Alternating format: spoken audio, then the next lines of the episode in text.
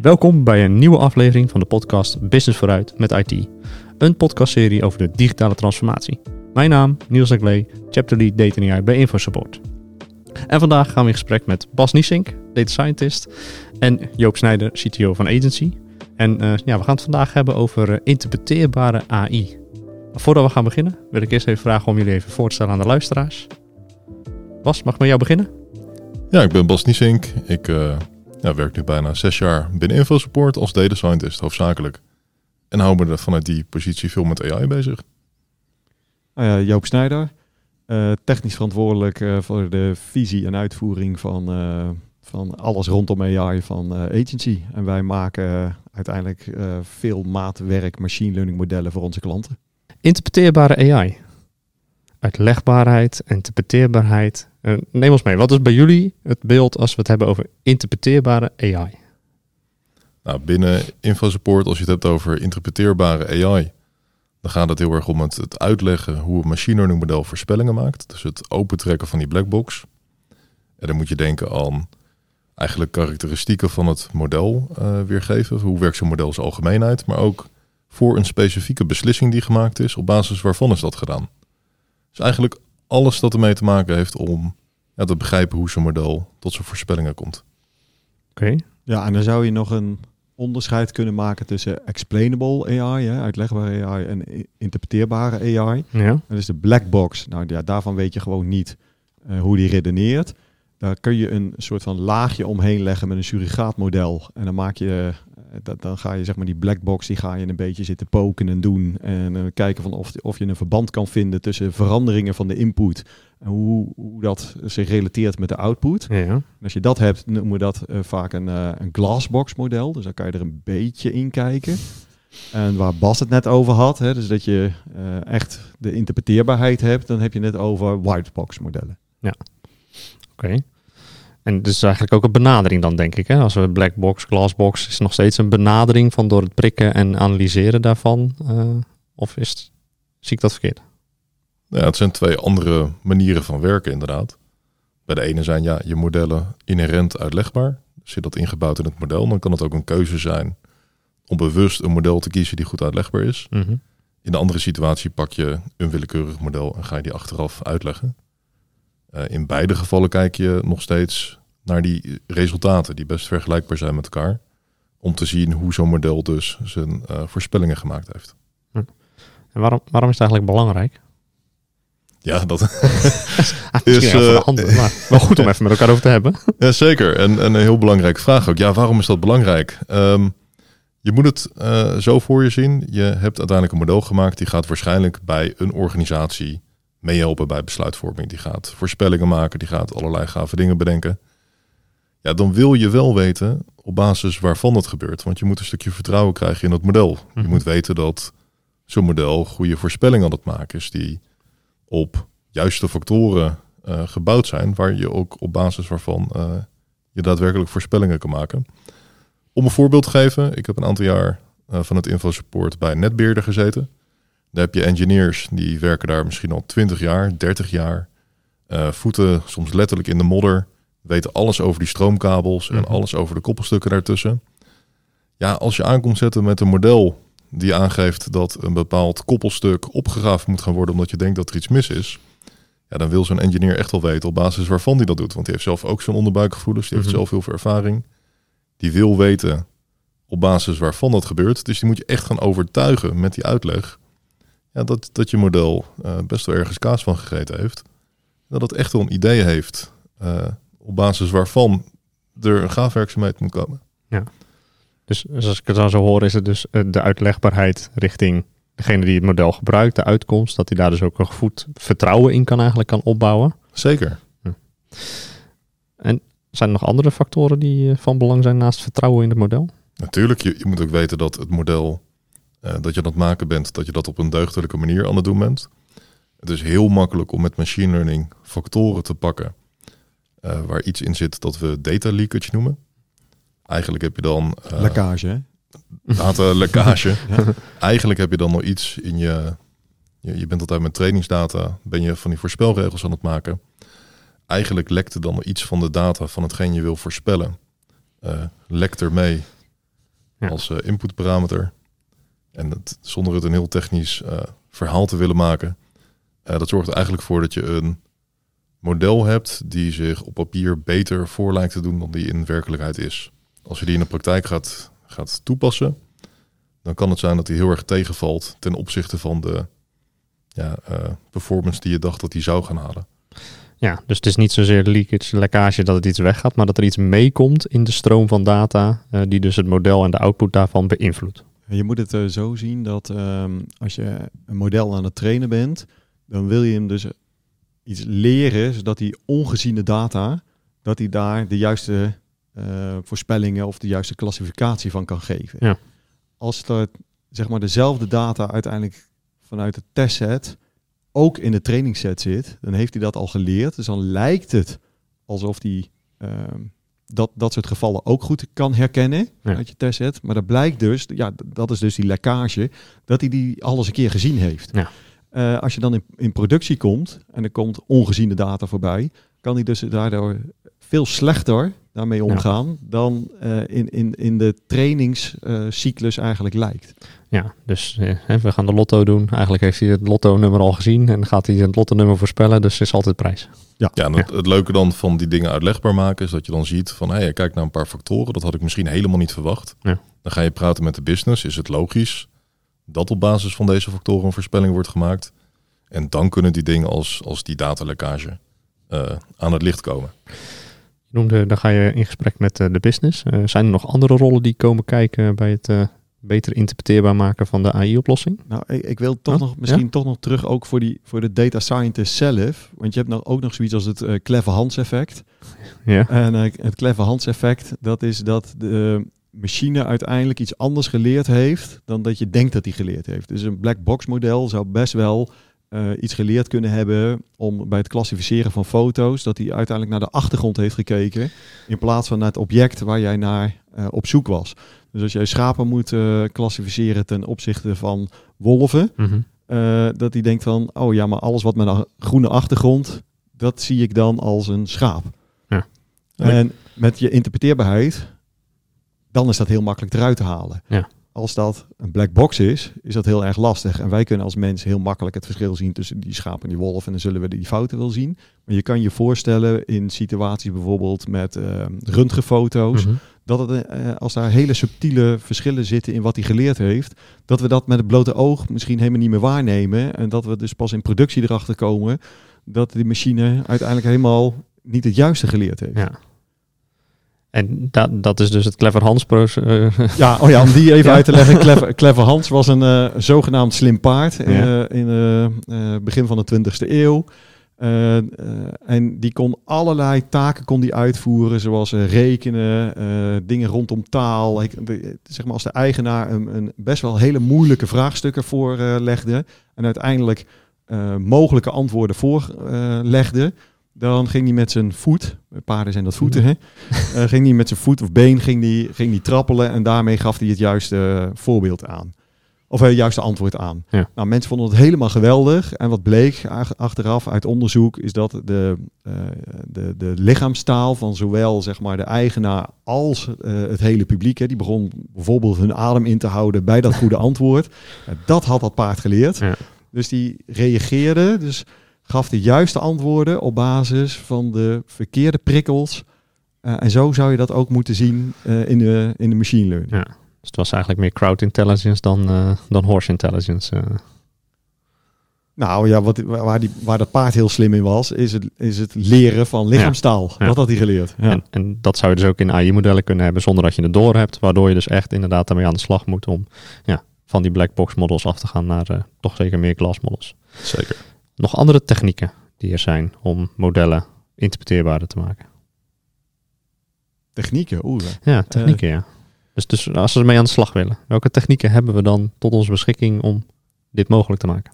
Nou, voor eh die interpreteerbare modellen, Bas, als ik het goed heb, hè, dan kunnen we, kunnen we gewoon verschillende algoritmes kiezen. Zeker. Kijk je naar die glassbox modellen, daar heb je wel verschillende technieken. Ik denk dat jij ook wel verschillende technieken gebruikt hebt, toch? Ik neem aan dat je de blackbox modellen bedoelt. Ja, om die, om die, eh, Om die zeg dingen maar wat meer... open te breken. Ja, Ja. ja. de explainable Ja, dan heb je bijvoorbeeld eh Shep en Lime. die eh, veel genoemd worden. En dan kijk je bij de eerste kijk je naar hoe werkt zo'n model nou over zijn algemeenheid onder de motorkap. Dus stel het gaat over het eh, bedenken of iemand wel of niet een hypotheek toegewezen krijgt. Dan ga je bijvoorbeeld over het algemeen kijken. Nou, salaris, dat heeft wel invloed. En of iemand samenwoont, heeft invloed enzovoort. Bij eh, Lime kijk je echt naar één specifieke voorspelling. En ga je kijken, oké, iemand heeft wel of niet een hypotheek gekregen. Op basis waarvan ging dat nou eigenlijk? En dat helpt ook om te kijken als iemand aanklopt van... Hey, is het proces wel eerlijk, eerlijk gegaan? Ja. Dus dat zijn een paar van die technieken. En verder heb je nog een, een techniek die nog wat verder gaat. Dat heet uh, causal inference. Dan ga je kijken los van de attributen die invloed hebben. Zit er daadwerkelijk een kausaal verband? Dus heeft het een daadwerkelijk geleid tot het ander uh, bij bepaalde factoren? Want anders kun je daar ook nog de mis mee ingaan. Dan zie je misschien wel een sterk verband, maar dat hoeft helemaal niet echt met elkaar te maken te hebben. Er hoeft helemaal geen oorzaak-gevolgrelatie in te zitten. Ja. En dat kun je met dat soort technieken weer naar boven halen. Ja. En, en uh, oorzaak, oorzakelijk gevolg is, wel, is best wel heel belangrijk. Zeker. Er is, er is ook zo, Eigenlijk alles waar het om gaat. ja, toch? Er is zo'n grappige website uh, die allerlei correlaties laat zien uh, van, van dingen die uiteindelijk geen kausaal verband hebben. Spurious correlations. Die ja, precies. Waar, waar echt heel gaaf dat, je laat, dat ze kunnen laten zien, zeg maar, de consumptie van kaas in Amerika, dat die helemaal correleert met het aantal mensen die verstrikt raken en doodgaan doordat ze, hoe zeg je dat, verstrikt raken in hun bedlakens. dus dit is bijna één op één gecorreleerd. Maar ja. je kan je voorstellen dat dat niet helemaal, zeg maar, een kausaal verband heeft. Nee. nee, en als je niet oplet, kun je daar uh, wel van uitgaan, omdat je denkt, ja, maar die correlatie is zo sterk, dat moet wel verband houden met elkaar. Maar dat hoeft helemaal niet het geval te zijn. Ja. Nee. Dus dat moet je echt onderzoeken. Ja, en dat is denk ik ook een deel van het testen van tijdens je ontwikkeling van je AI-model, waar dat ook heel erg van tap, uh, toepassing is of niet. Zeker, dat, dat blijft continu een soort van uh, lus waar je eigenlijk in zit. Uh, iedere keer ben je bezig met het model beter maken en dan kijken van, ja, is het model op basis van de juiste factoren goede beslissing aan het maken? Uh, zit, er, zitten er van die causale verbanden in, ja of nee? En continu samenwerken met ja, de business, met andere data scientists, met data engineers die weten waar die data vandaan komt, hoe die tot stand gekomen is. Er blijven continu van die wisselwerkingen in zitten. Ja. Nou ja, je beantwoordt ook al een deel van mijn vorige vraag inderdaad, die net voorbij kwam. Welke rollen hebben we nodig inderdaad? Dankjewel inderdaad. dus ik hoorde daar data engineer, ik hoorde data scientist, ik hoorde business. Uh, nog andere zaken die je vaak tegenkomt in de praktijk uh, als we hiermee aan de slag zijn? Terwijl de namen die in elk geval het vaakste voorkomen. Verder, uh, mensen die er ook bij betrokken zijn, kunnen bijvoorbeeld ja, klanten en andere stakeholders zijn die misschien de effecten van een model ervaren of die er gebruik van maken en die misschien daardoor veel sneller een bepaald proces kunnen afronden. Dus eigenlijk ja, iedereen die iets met zo'n model van doen heeft, heeft er wel mee te maken. Ja. Ja, Joop, je, mooie aanvullingen? nou ja, het hangt een beetje ook af van de sector waarin je zit. Uh, maar je kan je voorstellen in uh, sectoren waar uh, risk, als je een riskafdeling hebt, uh, die willen hier vaak ook wel wat mee. hè? Dus die, ja. juist zeg maar, als je dan met een blackbox aankomt, ik denk dat je iets, iets moeilijker kan overtuigen waarom je die blackbox zou moeten inzetten. De interpreteerbaarheid is dan wel heel erg belangrijk. Ja. Als jij uh, uh, audit trails moet hebben van uh, hoe uiteindelijk een besluit genomen is op basis van welke gegevens en alles wat daartussen zit, uh, ja, dan is een interpreteerbaar model vele malen makkelijker dan een blackbox model. Ja. Dus dat zou eigenlijk een afweging moeten zijn bij design al. Uh, wat voor oplossing is een, een goede fit hiervoor? Ja, en wat mij betreft, zeg maar, prioriteer je uh, interpreteerbare modellen altijd over. Dus eigenlijk uh, begin je met, uh, kun je whitebox inzetten, dan glassbox, dan blackbox. Ja. Mee eens? Ja, zeker. Mooie volgorde. Ja. Dat maakt het, het uitleggen veel makkelijker en voegt er ook de, ja, de emphasis, de nadruk op, op die uitlegbaarheid. Ja. Wat je wel ziet, ik, ik weet niet of jij dat herkent ook, Bas, is dat er heel makkelijk gekozen wordt voor blackbox modellen. Ja, zeker. Dat zijn de modellen waar mensen oorspronkelijk het meeste ervaring mee hebben. Uh, dat zijn de en soms ook iets krachtige modellen, maar dat, dat is heel erg aan het veranderen, gelukkig. Ja. Maar ik heb het idee dat mensen überhaupt vaak, vaak gewoon een beetje een model pakken. We pakken een neuraal netwerk. We pakken een support vector machine zonder echt een onderbouwing te hebben waarom ze dat doen. Ja.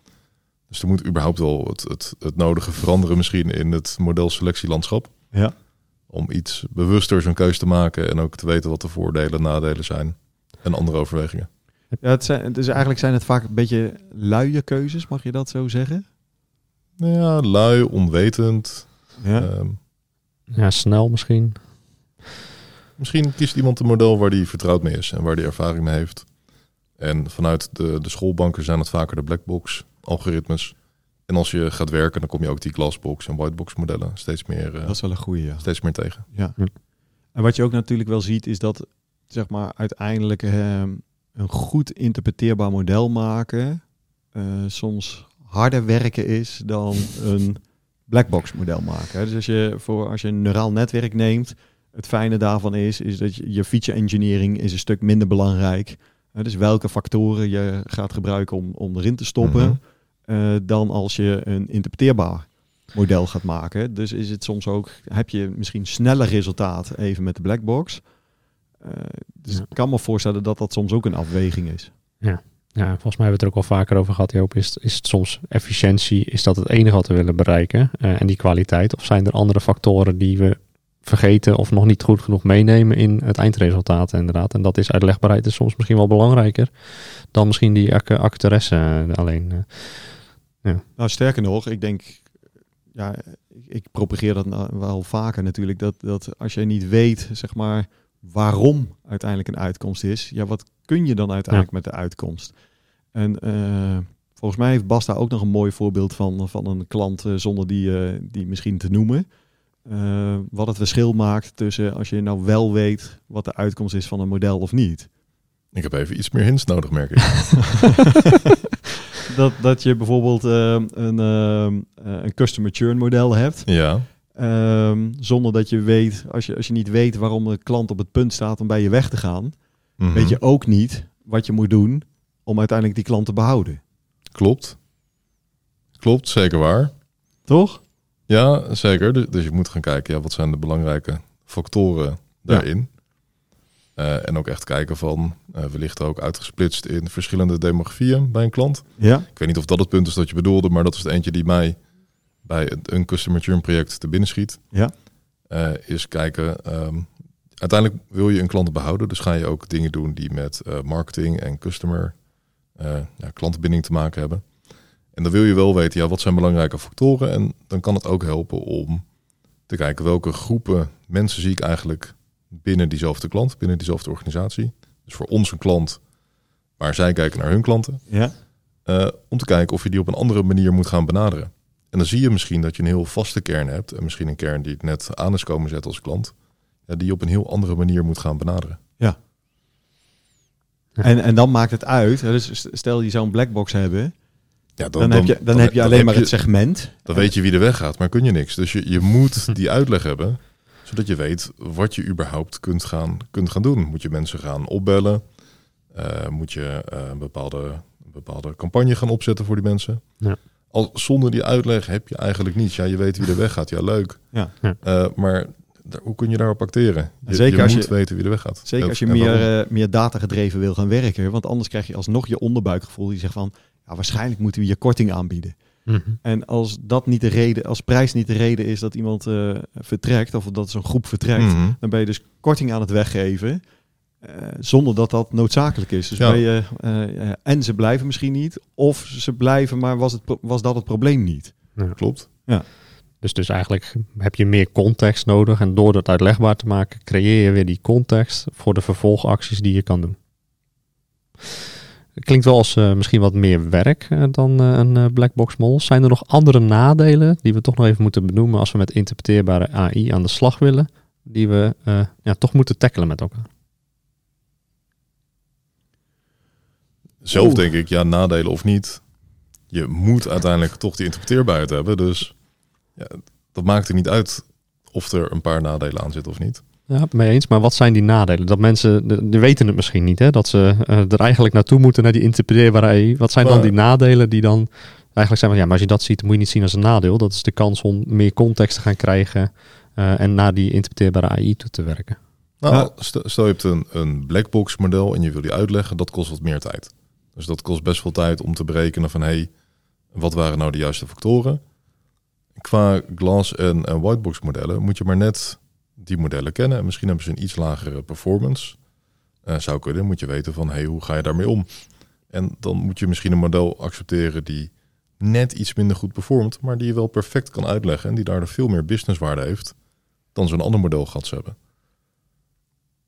Ja. Joop, heb jij andere factoren in gedachten? Nou, ehm, bij de interpreteerbare modellen misschien wat minder, maar voor de, voor de glassbox, hè, daar heb je wel wat nadelen. Is omdat je verschillende technieken hebt, die proberen allemaal een surrogaatmodel te maken. Mhm. Dus die, die, die, eh, en, en die is inherent anders dan de blackbox zelf. Want anders had je die, die niet hoeven maken. En afhankelijk van de techniek die je gebruikt, kun je verschillende uitleg krijgen.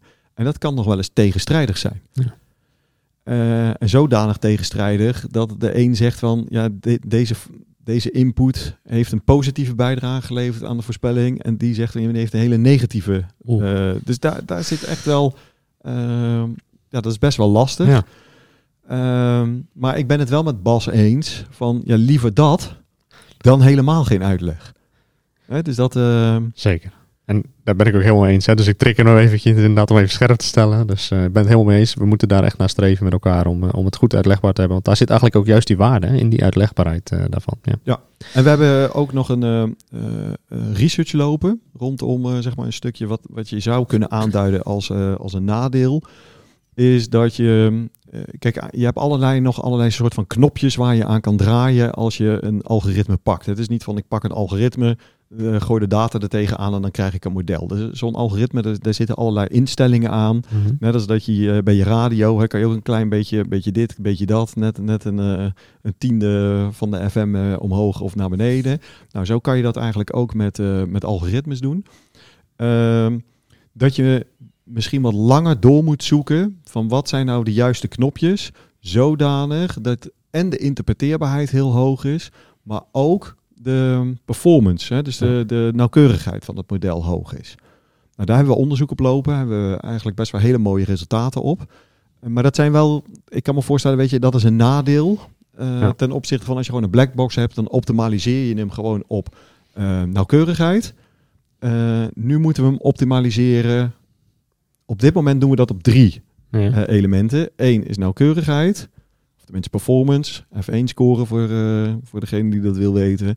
Andere is de compactheid van de, eh, de uitleg. Want, want Ja. je kan je voorstellen als je een beslisboom hebt, die is, die is inherent, is die uitlegbaar. Ja. Maar als die beslisboom zo diep is en zo breed aan de onderkant, dat je, dat je misschien wel honderden stappen zeg maar, eh, af moet lopen, ja, dan is die ja, ja, je kan het bekijken, maar, maar echt, echt uitlegbaar is die dan ook niet meer.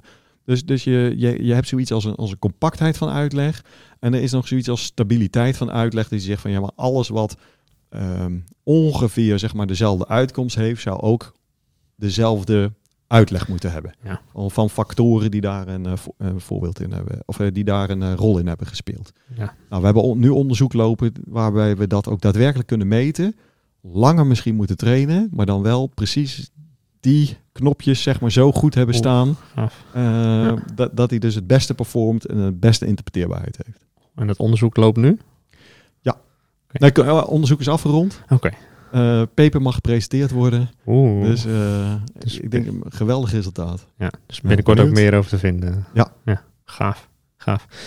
Ehm er is natuurlijk ook heel veel over de AI Act en heel veel eh, ontwikkelingen erin. Zijn er nog bepaalde zaken die eh, gezaghebbers, beleidsmakers mee kunnen nemen, waardoor het belang van interpreteerbare AI beter gevoeld wordt bij degene die misschien toch even sneller even een black box model zouden in willen zetten?